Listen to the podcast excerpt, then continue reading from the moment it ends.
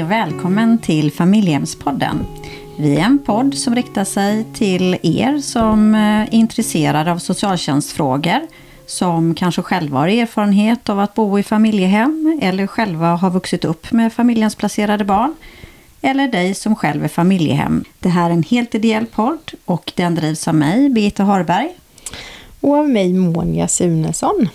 Mm. Och idag, idag har vi Lotta igen på besök. Precis, Lotta familjehemspsykologen. Så ja, ja. Så vi kör en liten, en liten eh, fortsättning här för vi eh, tyckte ju att vi hade så trevligt och så stort utbyte sist vi pratades vid. Precis, för Lotta hon är en psykolog som har oerhört mycket kunskaper kring familjehemsfrågor. Eh, och det kan jag själv vittna om för jag behövde lite stöd och hjälp hur jag skulle tänka i ett ärende. Så då fick jag lite handledning av Lotta och det var verkligen en väldigt, väldigt bra handledning. Så jag är väldigt glad och stolt över att du ville komma tillbaka till oss och svara på lite tittarfrågor, eller lyssnarfrågor ja, precis. Jag hoppas ingen tittar på. Nej, jag skojar bara. Mm. Men fokus idag vill jag bara tydliga, tydliggöra för er som har börjat lyssna. Eh, kommer vara lite, runt, eh, lite frågor runt umgänge som mm. vi har fått in och som vi tar. Lite frågor som är kopplade till vårdnadsöverflytt. Mm. Var det någonting mer som dykt upp? Lite adoption också ja. Lite adoption, precis. Mm. Så det, det är de ämnena mm. eh, som det handlar om. Precis. Eh, och Lotta, vill du berätta lite grann kort om dig? Jag tänker att det kan ju vara eh, lyssnare som inte har lyssnat på det tidigare avsnittet. Ja, absolut. Och tack så jättemycket för att jag får komma tillbaka. Jag är jätteglad och jag är också väldigt stolt över det. Jag tycker att det här är fantastiskt med den här podden och få, och få delta här. Och jag är ju alltså legitimerad psykolog och har jobbat många år med barn och ungdomar framför allt. Jag har jobbat på BUP i många år och så har jag jobbat i primärvården, ja första linjen då med barn och ungdomar, men också i ett barnskyddsteam tidigare. Och min hjärtefråga har alltid i alla år varit barn som är i samhällsvården, barn som är placerade på olika sätt. Det kan ju vara till exempel jourhem eller familjehem. Eh, så utifrån det så har jag startat ett Instagramkonto som heter Familjehemspsykologen och det är för att jag tänker att det saknas. Jag, vet, jag märker att många längtar efter information som handlar just om barn som är placerade och barn som är familjehemsplacerade eller jourhemsplacerade. Och då hoppas jag kunna finnas lite grann som stöd och hjälp och det är min önskan. Då. Mm. Och så sen har jag fått komma med här. Så det känns jättespännande med de här frågorna. Mm. mm. Verkligen. Och jag tänker om vi skulle börja med den första frågan. Och den första frågan eh, får vi nog dela upp lite grann i olika avsnitt. För den, den är väldigt stor och omfattande men oerhört intressant. Och det handlar om umgänge. Eh, och då är det ett barn som har eh, lite svårigheter i sin kommunikation kan man säga. Eh, att kommunicera med sin omgivning. Och eh, den här personen då, det här barnet, eh, har blivit placerad på grund av omfattande omsorgsbrist eh, tidigare. Och eh, får starka reaktioner efter umgänge. Och BUP de säger att just nu så kan vi inte ha traumabehandling utifrån barnets egna svårigheter. Då. Eh, och barnet då mår ju inte bra efter, efter umgänget. Eller han visar tecken på att, han, på att hen inte mår bra efter umgänge. Och det här kan ju stå för många olika saker. Eh, och vad tänker du om det Lotta? Ja, jag tänker så här, det där är ju en jätteviktig fråga så jag är så glad över dig som har skickat in den här, att du gjorde det. För det där är ju någonting vi klurar på hela tiden. Hur ska vi göra med umgänget så att det ska bli bra? Och jag tänker att om det är okej, okay, nu får ni Monia och Birgitta säga till om ni tycker att det här blir för stort. Mm. Men jag tycker att det finns lite som grundprinciper när det gäller umgänge som man skulle kunna ta upp så att man som lite grunden till hur vi tänker. Mm. Och då tänker jag att den första, just med den här frågan, då vet vi ju inte riktigt med det här barnet vilket ålder det är och hur länge det har varit placerat och hur det egentligen funkar. Och det finns så många frågor jag skulle ställa om jag hade varit i situationen. Så, så jag går in lite grann på generellt och så får vi se hur vi kan specificera. Men jag tänker att det första är ju att umgänge ska alltid vara utifrån barnets behov. Det är ju en viktig grundprincip, att det handlar om att vi i Sverige tänker att umgänge ändå är viktigt för barn. Att man har kontakt med sina biologiska föräldrar för att det är bra för barnet. Så det är som att, att barnet ska gynnas av umgänget är ju det viktiga. Eh, och, och för att barnet ska vara tryggt, och, eller för att barnet ska utvecklas och må bra behöver det känna sig tryggt. Det tänker jag som en annan grundprincip. Eh, och, och då är det så att det finns som två saker. Dels är det att vara skyddad, men det är också att känna sig skyddad. Och nu reagerar det här lilla barnet och vi vet inte riktigt vad det är och det barnet reagerar på. Men vi, vi behöver veta att barn behöver både vara och känna sig skyddade. Och då kan vi tänka att vara skyddad, det kan vi vuxna, inte alltid, men vi ändå försöker göra en bedömning av det. Att barnet har det bra hos sina, under umgänget. Men vi behöver också veta att barnet känner sig tryggt. Mm. Och det är bara barnet som kan avgöra det. Men nu vet vi inte om det här barnet kan berätta eller inte. Det, det verkar som att det kanske barn, det här barnet inte riktigt kan berätta om det. Eh, och sen att när man har varit farit illa när man är ett barn så har man svårt att känna sig trygg med vuxna. Utan då kan man, och då kan det vara så här att antingen man kan ju ha trauma och då behöver man traumabehandling. Men nu har BUP gjort bedömningen att det är inte läge. Eh, så, och, om, men hur som helst så måste som barnet lära känna sin förälder lite på nytt kan man säga i den här aspekten. Lära känna och se att ja, men min förälder funkar och kommer inte att göra det här som den har gjort förut. Antingen kan det ju vara att inte ta hand om barnet. Det barnet är också skrämmande, också en otroligt svår situation. Eller så faktiskt göra någonting. Mm. Så eh, så det här, jag tänker det finns som de här grundprinciperna man behöver tänka på med umgänge. Eh, och, och, här behöver vi som titta för att veta, ja men hur är det? Då behöver man som göra en analys av situationen tänker jag. Man behöver titta på, men hur beter sig föräldrarna? Det är ju jätteviktigt och det är ju ofta socialtjänsten till exempel som gör att funkar det här bra? Verkar föräldrarna göra adekvata beteenden? verkar de bete sig på ett sätt som funkar bra? Eh, och hur mår barnet? Och då tittar man både, tänker jag, på hur mår barnet under umgänget, just efter umgänget, men också på sikt. Man behöver som titta på alla de här tre. Barn, det är inte alltid säkert barn visar något under umgänget. Kanske, kanske inte. Efter, så om man reagerar just efter ett umgänge, då kan ju det vara olika anledningar. Det kan ju vara har man haft det väldigt fint med sin förälder och längtar efter sin förälder, då kan det ju vara den här sorgen och ledsenheten över separationen.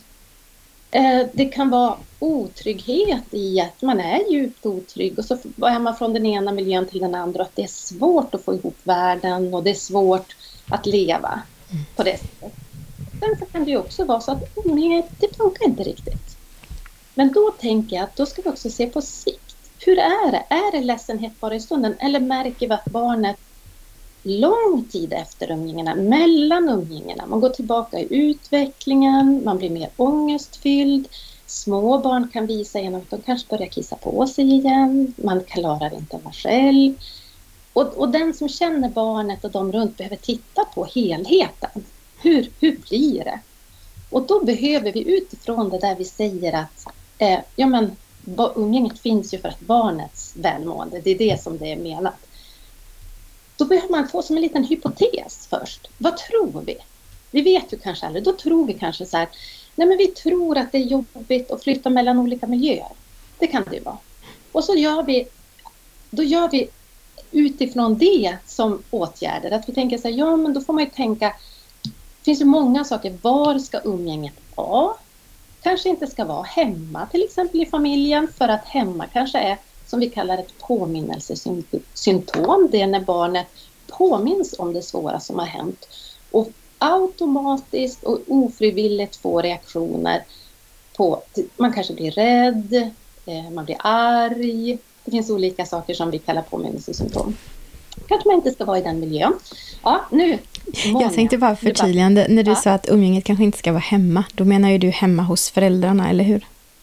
Ja. För jag tänker om man bor i familjehem så kan, så att det inte blir för, men det, det är det du menar, eller hur? Att det inte ska vara hemma hos föräldrar. tack för förtydligandet. Ja, mm. att det där är en viktig sak. Att när man funderar runt umgänge, så här, men hur ska det se ut? Det ska det så, och då menar jag hemma, ja. Hemma hos föräldrarna så kan det ha hänt saker. Och när barnet kommer dit, även om föräldrarna nu ändå försöker att fungera på ett bra sätt, så påminner det om det svåra som har hänt och barnet blir automatiskt och utan det är viktigt att veta att det är inte verbala processer. Alltså det är ingenting vi väljer, utan då blir barnet rädd och orolig för att den har, är i en miljö där det har hänt otäcka grejer. Och då kanske vi gör analysen, ja men okej, men då tar vi inte umgänget där. Vi kanske ska vara på socialtjänstens kontor i något trevligt rum. Eller vi kanske ska vara på ja, någon helt annanstans. Eller i familjehemmet, är det ju många som har umgänge. Eh, och vi behöver tänka hur långt ska det vara? Ska det vara, oftast är det ju mycket bättre att ha tydligt och kort. Tydlig start, tydlig slut. Oavsett hur roligt man tycker det är så är det väldigt tydligt. Och det är en parameter man behöver som kan fundera på. Eh, men sen behöver vi fundera på föräldrarna i sig. Hur, vad, vad, och just det här att det är barnets verklighet som är det viktiga. Blir barnet rädd för föräldern, då spelar det ingen roll egentligen vad de vuxnas intentioner är, utan då får man fundera på det. Eller någon annan. Då får man säga, ja men okej, vad gör vi då? Ska familjehemsföräldern vara med under umgänget? Det är ibland aktuellt, framförallt när det är små barn. Eh, eller ska vi, hur ska vi trygga det här barnet på ett bra sätt? Och då, utifrån när jag säger den här hypotesen, då kanske vi sen, då måste man utvärdera. Nu har vi gjort det här umgänget under en period. Ja, men, och då kanske jag säger, ja men det blev bättre. Vad bra, då är vi på rätt väg. Eller så kanske vi tänker så här, nej men det blev inte bättre. Det här barnet visar fortfarande att det är jättejobbigt. Då får jag säga, nej men då, då kanske det är något annat. Det, det, det jag menar med att det finns oftast inga tydliga svar. Utan vi behöver titta på hela situationen. Vi behöver ha en hypotes.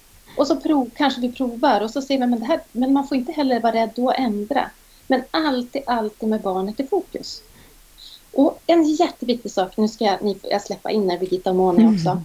Det är att ett umgänge som är bra för barnet, det är också bra för den biologiska föräldern. Och det är viktigt att komma ihåg att det är inte något motsatsförhållande utan även om den biologiska föräldern längtar ju jättemycket efter sitt barn och det kan man förstå och längtar efter att hålla och krama och känner en enorm sorg över hur det är. Och det behöver man respektera och förstå. Och det tror jag att vi flesta föräldrar, vi gör det.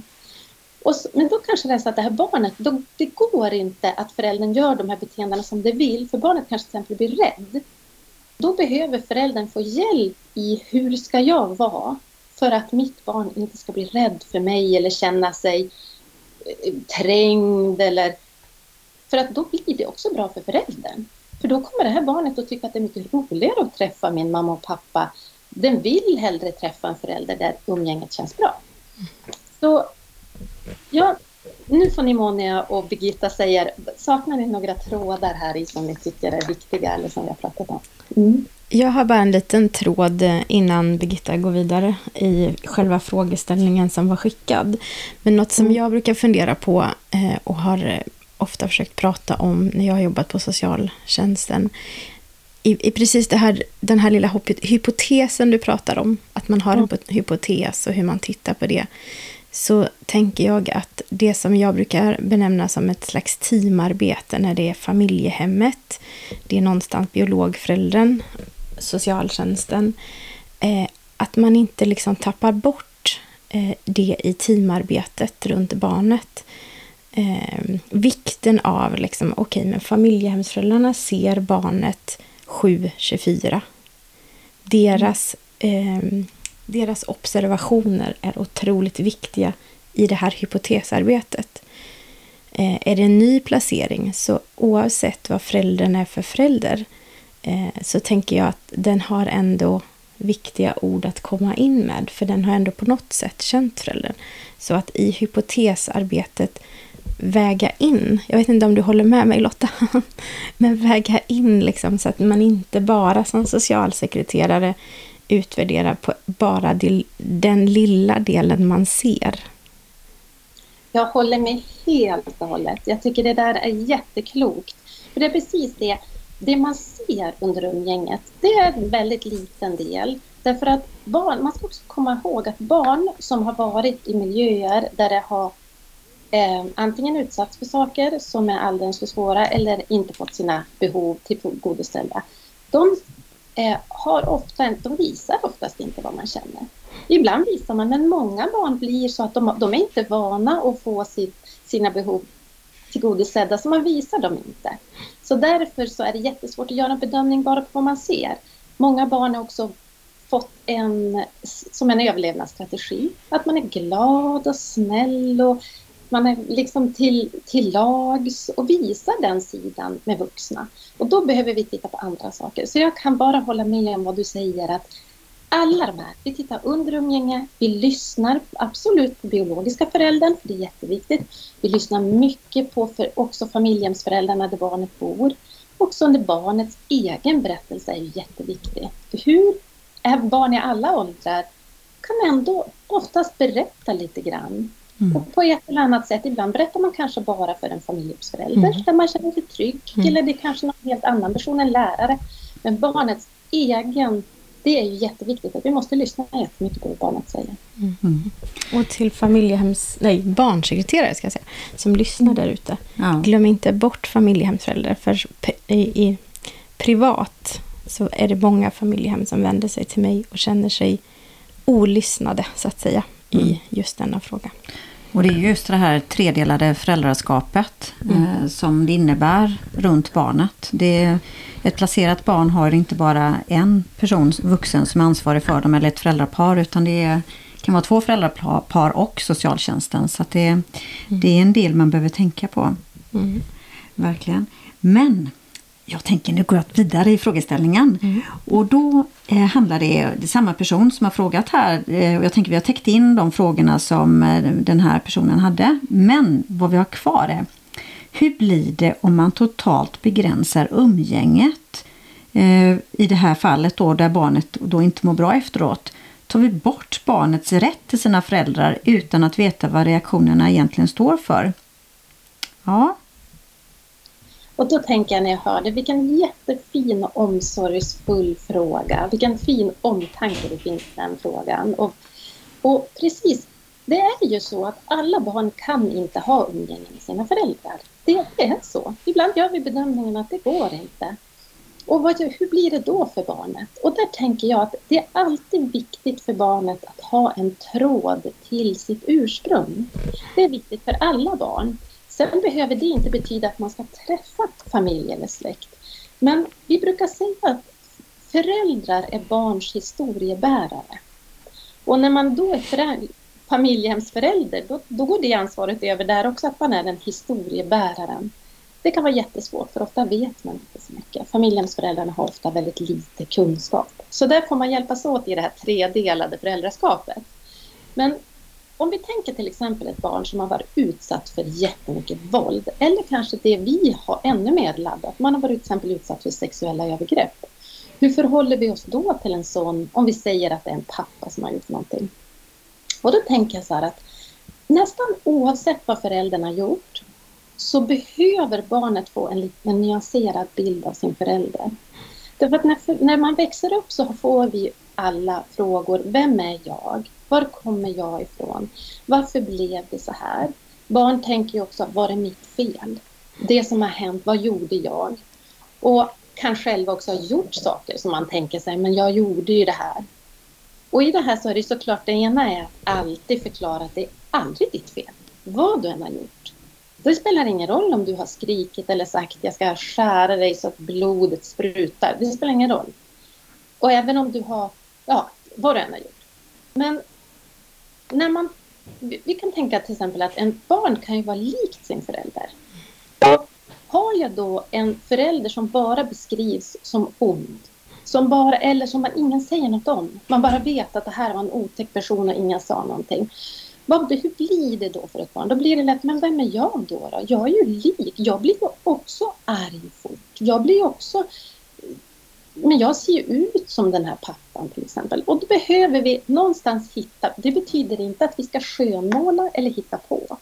Utan bara hitta det som vi kan hitta. Det kan vara till exempel så här, du kan inte bo med din pappa. För han kan inte bete sig på ett sätt mot barn som, som är bra. Man må, barn ska inte må med pappa.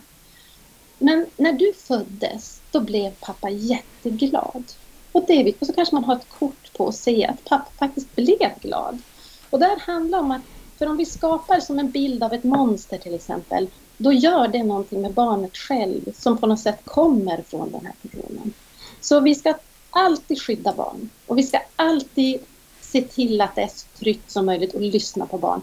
Men vi behöver bära historien på ett sätt som barnet kan leva med. Där, där, har jag ett mm. annat exempel bara att flika mm. in. Just det här med att skydda lite grann. Eh, för det är ganska vanligt att man som familjehemsförälder och placerat barn så att säga hamnar i det här att eh, en förälder ringer och berättar allt vi ska göra när jag kommer mm. och hälsar på dig. Och så kommer inte föräldern. Mm. Och jag tänker ju, jag har en ganska stor portion av god sida, har jag mm. fått höra lite för mm. mycket ibland. Ja. och jag tänker att föräldrar vill ju mm. oftast faktiskt. Man vill hälsa på, men man klarar inte. Mm. Så då har jag förmedlat till barnsekreterare att kunna förmedla till sin, eller familjehemssekreterare till, till det har varit något familjehem. Att kunna prata med barnet om att ja, men alla de där sakerna som din förälder berättar att den ska köpa och göra är sånt som den skulle önska mm. att den skulle göra. Men klarar inte. Mm. Så är ju det också en sån här liten någon slags formulering för att skapa något gott. Eh, men att ändå förtydliga också att det är okej att vara arg. Mm. Eh, för det tror jag också är viktigt. Att man får ha en process där man, man blir ledsen på sin förälder. Sen går det över till att man är arg ett tag. Och så kanske något annat. Mm. Acceptans. Men verkligen, det där var väl ett jättefint exempel. Och det tänker jag också för att det, det, det handlar om just den här nyanserade bilden. Det handlar mm. inte om att beskriva någon som enbart god eller bra och inte heller någon som enbart ond eller hemsk. Utan att ett barn får växa upp med en bild där man som ser att, för man måste ju ändå vara tydlig, men du kan absolut inte bo med din förälder, det går inte. Mm. Därför att den här föräldern kan inte ta hand om ett barn. Och, då, och du blir jätterädd i de här mm. situationerna, till exempel. Mm. Men ändå så komma ihåg att jag ska bära barnets historia här på ett sätt som när man växer upp och börjar ställa frågor om sig själv så kan man ändå se att ja, okej, okay, jag kanske är lik min mamma eller min pappa och det är inte bara dumt. Det finns något bra i det också. Mm. mm. Och då tänker jag lite osökt att vi kan eh, glida över till en annan fråga som vi har fått eh, som, som ungefär blir så här. Har barn rätt att säga tack och hej till sina föräldrar? Kan barn eller har barn rätt att säga nej till umgänge och vad blir i så fall konsekvenserna i framtiden för barnet? Vi har varit lite inne på det men, men om vi ändå skulle liksom spetsa till det lite. Ja, eh, precis. Hur ska man tänka där? Och då tänker jag att det är jätteviktigt vad barnet tycker. I allt vi gör så är det viktigt vad barnet känner och tycker själv. Det är ju centrum för allt. Mm. Och så, så det är om barnet inte vill så säger det någonting viktigt. Och ju äldre barn är, det ska vi också komma ihåg, desto mer rätt till självbestämmande har vi. Det är så att om man tänker jämfört en treåring eller en som faktiskt är 13 eller 14 eller 15. Och det är sådana saker som socialtjänsten jobbar mycket med. Så här, hur mycket så, eh, självbestämmande ska man få ha? Men då tänker jag att det vi behöver förstå är varför barnet säger nej till sin förälder. Vad är det som gör det? För att det kan ju finnas massa olika skäl. Man kanske säger nej helt adekvat. Det är en förälder som faktiskt inte fungerar på ett bra sätt. Det blir inte bra. Och att det är alldeles... Ja, det, man ska inte träffa sin förälder. Sådana situationer finns det. Sen kan det finnas barn som säger nej för att de skäms. Man tycker det är svårt, man skäms, man vill inte förknippas med den miljön eller med den personen. Man kan säga nej för att man kanske har trauma. Och trauma, när jag säger trauma, då är det själva skadan, kan vi säga. Och, så att det väcker jättesvåra saker. Eh, och då behöver man jobba utifrån det. Då, är det, då behöver barnet traumabehandling och man behöver föräldrar som verkligen, alltså de biologiska föräldrarna måste få stor hjälp hur de ska agera. Det kan vara att man är väldigt rädd och vill inte flytta tillbaka. Man tänker att om jag träffar min förälder så blir jag, jag blir, man blir rädd jag vill inte tillbaka och så spjärnar man emot där. Och så kommer ni säkert på massa andra anledningar. Men det här behöver vi förstå oss på Mm. innan vi kan bestämma något. Och det där är ju en väldigt svår fråga. Eh, Nu tycker jag ju att eh, lagstiftningen har ju ändrat sig sedan jag blev eh, färdig socionom 93. Liksom. Så idag lyssnar man ju mer på barn. Men 93, 94 när jag kom ut så, så var det ju umgänge på föräldrarnas liksom, initiativ och inte alltid barnen. Så att där kan jag ju se en stor förändring och det är ju väldigt glädjande.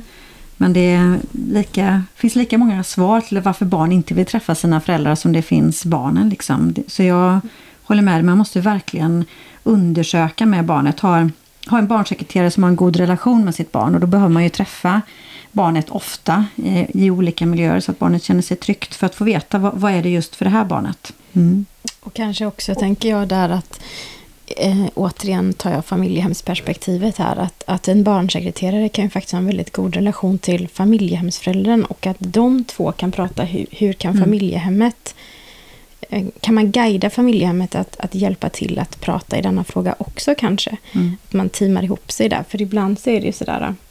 På mitt nya jobb så har vi haft nu en liten session om barnsamtal. Och så fick mina nya medarbetare gå hem och testa på sina barn. Mm. Och konstaterade ju att eh, ja men eh, just den där dagen var mitt ena barn inte i fas att prata. Mm. Mm.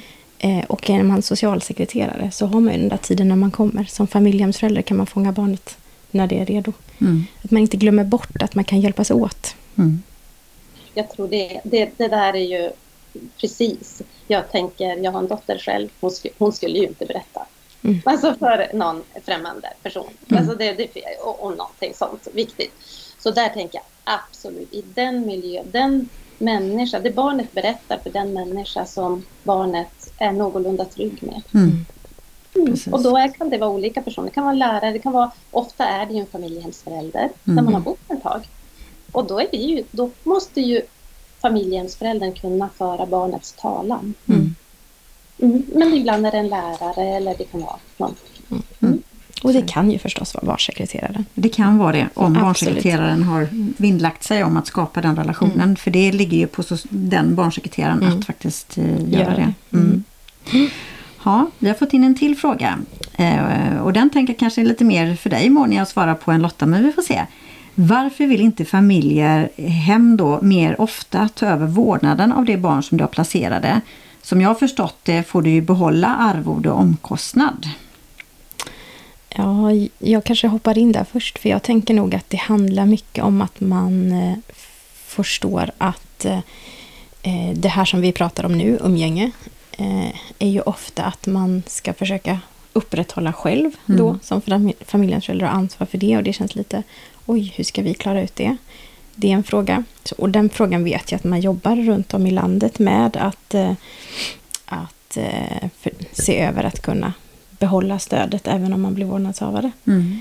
Eh, Men det är också att stödet som man får från socialtjänsten som familjehemssekreterare och så, det tas ju i, i stort också bort skulle man ju kunna säga.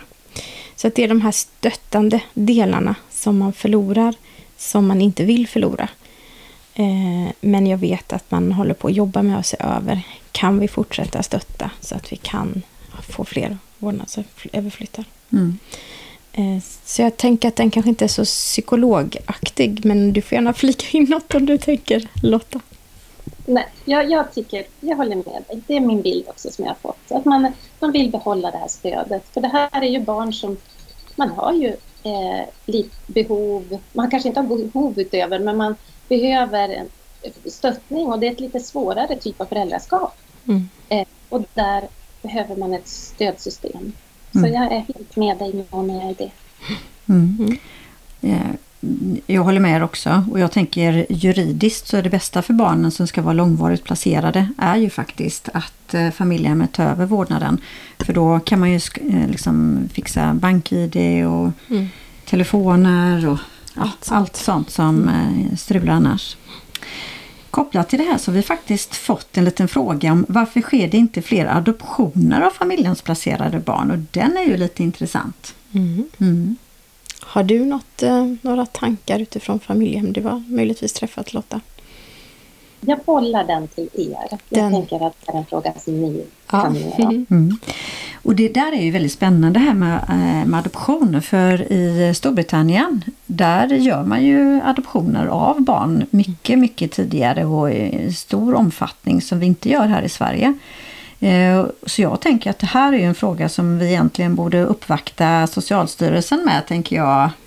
Alltså det pågår en utredning just nu på just det här, den här frågan. Eh, man gjorde en utredning på detta området fram tills två, den var klar 2014, så det är ju mm. några år sedan. Mm. Eh, och där kom man fram till att eh, man var lite bekymrad över att om vi skulle jobba mer med adoptioner i Sverige så skulle vi vara tvungna att ta mer LVU för att då skulle det vara svårare att få med föräldrar frivilligt på att låta sina barn placerade. För då visste man också att om jag går med på att få mitt barn placerat så riskerar de någon att adoptera mitt barn. Mm. var det man kom fram till i den utredningen. Nu efter Lilla hjärtat, är det väl, så mm. har man ju påbörjat en ny utredning där man väver in frågor om adoption i det. Och man har ju gjort det här steget med att eh, eh, förtydliga vissa delar runt när man ska överväga vårdnadsöverflytt till exempel. Mm, det är ju mm. två år nu. Man och följa barn. Och följa barn och sådär. Så att vi, vi får följa den utredningen så att säga. Men det som är lite intressant är ju också att när man rekryterar familjehem, alltså när man ska leta efter familjehem i England, USA, Frankrike, jag tror också i Australien, då, då får man in två typer av familjehem. Eh, för, eh, I Sverige är ju jourhemsplacering är ju sex månader. Mm. I England till exempel så har vi short term, det är två år. Mm. Eh, så då hittar du familjehem som är short term, där du vet att jag har ett barn under en tid. Eller så hittar du familjehem som du vet eh, under en period är vi så att säga familjehem. Sen om inte föräldern rättar till sitt liv så kommer vi få adoptera. Men då går du in med det från början mm. och vet det från början. Och så ser det inte ut i Sverige. Så jag mm. tänker att vi skulle behöva ändra hela vårt system om vi skulle få en ökning av adoptioner. Mm. Ja, Lotta? Ja, för, för det finns ju många saker i det här som är viktigt att man klurar på. Mm. Det är ju eh, till exempel nu med jourhemsplaceringar så, så är det ju ett dilemma här att barn flyttar. Mm. Barn flyttar liksom är, knyter an och så sen flyttar man till ett nytt ställe och, och det gör någonting verkligen med barn som mm. är allvarligt. Mm. Så, så där, det här är att, inte, att flytta från hem till hem, det vet vi är väldigt problematiskt. Mm. Och jag tänker också det här med att ha, att som vuxen veta att det här barnet ska stanna kvar eller inte, gör också någonting med oss. Ja. Även, jag tänker att jag försöker alltid utbilda alla som jag träffar i att det spelar ingen roll om ditt barn är kort, kort eller lång tid barnet hos dig. Du ska alltid ge allt du har. Du, mm. ska, du är ställföreträdande förälder på det sättet att du, det här barnet behöver en förälder. De behöver kärlek, omsorg, allt oavsett om man är i en vecka eller om man är i länge. Men det gör någonting med oss när vi inte vet. Mm. Att vi kanske någonstans håller en distans som spelar roll för relationen med barnet. Mm. Men det är inte enkla frågor, för ibland ska ju faktiskt barn tillbaka och då är det jätteviktigt att jobba för. Då är det så att. Mm. Viktigt att man tittar på det. Ja, jag tror också det. Precis, för det är ju precis som du säger Lotta. Alla barn ska ju inte vara liksom placerade livet ut eh, i ett familjehem. Vissa barn är faktiskt placerade bara under en kortare tid. För det är bara det som behövs och det får man inte glömma bort när vi pratar inom familjehemsvården. Mm. Sen tycker jag bara superklokt att eh, det faktiskt påverkar oss, påverkar oss vuxna. Mm. För det är ju väldigt fint eh, idag att vi har ett extremt stort, eh, eller otroligt stort, kanske låter trevligare att säga, barnfokus. Mm. Och det är jätteviktigt. Men vi får inte heller tappa bort oss vuxna i, i, det. Eh, så att vi håller oss mitt på vägen och inte hamnar i något av dikena. Mm. Men att faktiskt det gör någonting med oss vuxna också. Mm. Lotta? och, och, jag tänker att vi vet ju nu mycket mer. Vi mm. börjar mer och mer ha en allmän också kunskap om det att barn, vi ska inte, även om vi har barn en kort tid så betyder det inte att vi ska hålla en distans. Och det, för så trodde man ju, men vi, vi ska komma ihåg att vi har ett arv mm. av det i mm. Sverige och i andra länder. Att tidigare, på 50-talet till exempel, då trodde vi att barn, man ska hålla en distans till barnen, man bara ska ha dem en kort tid, de ska inte knyta an, de ska inte... Och det arvet lever kvar och det ska vi komma ihåg. Nu vet vi att det där stämmer inte. Det är inte så att vi ska hålla en distans utan barn behöver närvarande vuxna som ger eh, inte bara det omsorgen som är rent materiell utan de behöver det här väldigt nära inkännande eh, föräldraskapet också. Mm. Men att vi kommer från en tradition som, är, som inte var bra, men nu vet vi att det, det stämmer inte. Mm. Yes. Och nu tror jag faktiskt att vi går mot någon slags avslut, eller hur? Ja, vi gör det. Vi har faktiskt en fråga kvar. Ja, vi har en liten fråga som jag tänker vi ändå ska liksom eh, försöka svara på. Ja. Och då är det så här. Eh, det här är ett familjehem och de ska då eh, få en vårdnadsöverflytt. Så de ska liksom ta över vårdnaden av ett barn. Och då undrar det här familjehemmet, eh, vad ska vi säga till barnet och vad ska vi förbereda dem på? Ja, då tänker jag så här, det vet barnet vad den behöver veta. Så jag tänker att vi ska såklart berätta om situationen, att nu har vi och kanske och igen liksom en berättelse om det. Att vi, vi, du kommer att nu att bo hos oss och vi kommer att vara de som är ansvariga. Det är vi som kommer att... Ja, alla de här praktiska någon slags förkortning då av det. Men sen tycker jag att vi ska öppna upp till barnet och säga vad vill du veta? Mm. Vad, vad, vad, jag vill svara på allting du vill veta och du får alltid fråga så mycket du vill. Ibland vet jag inte men jag kan alltid ta reda på. Och ganska ofta är det så att först kanske barnet säger så här, nej men det är inget. Men sen så funderar den. Så vi ska, och kommer senare då, kanske en mm. kväll eller en månad senare eller en vecka mm. senare. Mm. Så det vi ska göra, det, vi ska fråga, vi ska undersöka vad barnet vill veta. Ja. Och där blir det här igen. Jag bara tjatar om det. Glöm inte bort då barnsekreterare. Men ring till familjehemsföräldern och fråga kom det upp några, har det kommit några frågor den senaste veckan? Ska jag boka en ny tid och komma mm. igen? Hur gick det? För det kanske är på kvällen när man ska somna som det där samtalet ploppade upp. Mm. Och då kan ju det vara en hjälp i att förbereda sig för nästa samtal med barnet som socialsekreterare. Mm. Att förprata med familjehemmet. Så är det. Ja, det har varit väldigt spännande att, lyssna till dig Lotta och jag tycker också vi tillsammans har haft ett intressant samtal. Jag hoppas att våra lyssnare tycker det också. Mm. Eh, så med de orden, Monia. Mm. Mm.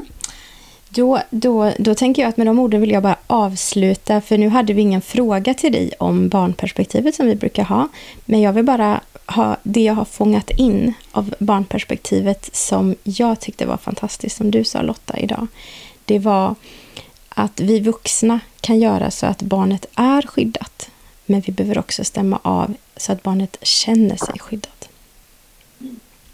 Mm. Det håller jag med om. Det är, jätte, det är två olika saker. Mm. mm. Det gör den hela skillnaden. Mm. Ja. Mm. mm. Tusen tack, tack Lotta. Vi tackar för detta och ni som lyssnar är välkomna att kika in på vår hemsida där vi alltid har lite aktuell information och vårt Instagram och Facebook där vi kontinuerligt delar saker som vi tycker är viktiga i frågan. Mm. Hej då! Hej då! Hej då!